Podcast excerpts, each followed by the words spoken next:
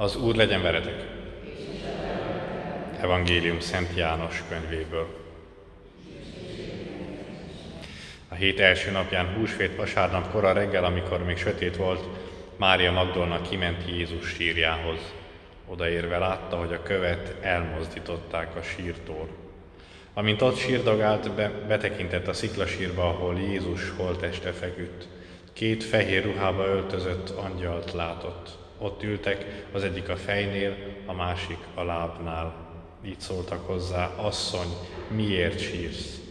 Mert elvitték az én uramat, felelte, és nem tudom, hová tették. Ezzel hátrafordult, és íme Jézus állt előtte. Nézte, de nem ismerte fel, hogy ő az. Jézus megkérdezte, asszony, miért sírsz, kit keresel? Mária Magdolna azt hitte, hogy a kertész az, és így válaszolt, Uram, ha te vitted el, mondd meg, hová tetted, hogy magammal vihessem. Jézus erre megszólította Mária. Mária felkiáltotta Rabbóni, vagyis Mester.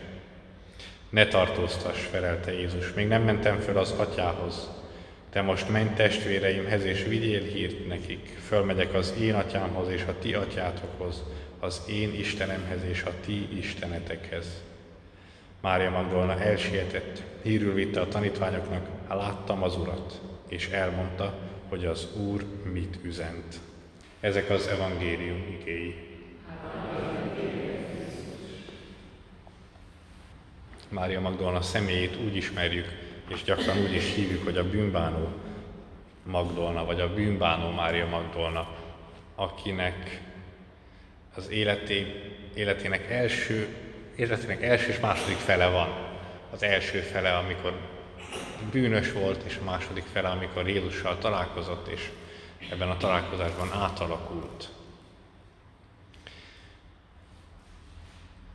Valami nagy őszintesség, azt hiszem az, amire tanít minket Mária Magdolna. Abban az értelemben, hogy amíg az ember nem találkozik a Jézus Krisztussal, nincs más útja, mint hogy a saját maga feje után menjen. Nincs más lehetősége, mint hogy, mint hogy a, a test szerint éljen. Nincs más, nincs más lehetősége, mint hogy a földi élvezeteket keresse. Mert, és ennek a földnek a szükségszerűségei szerint gondolkodjon.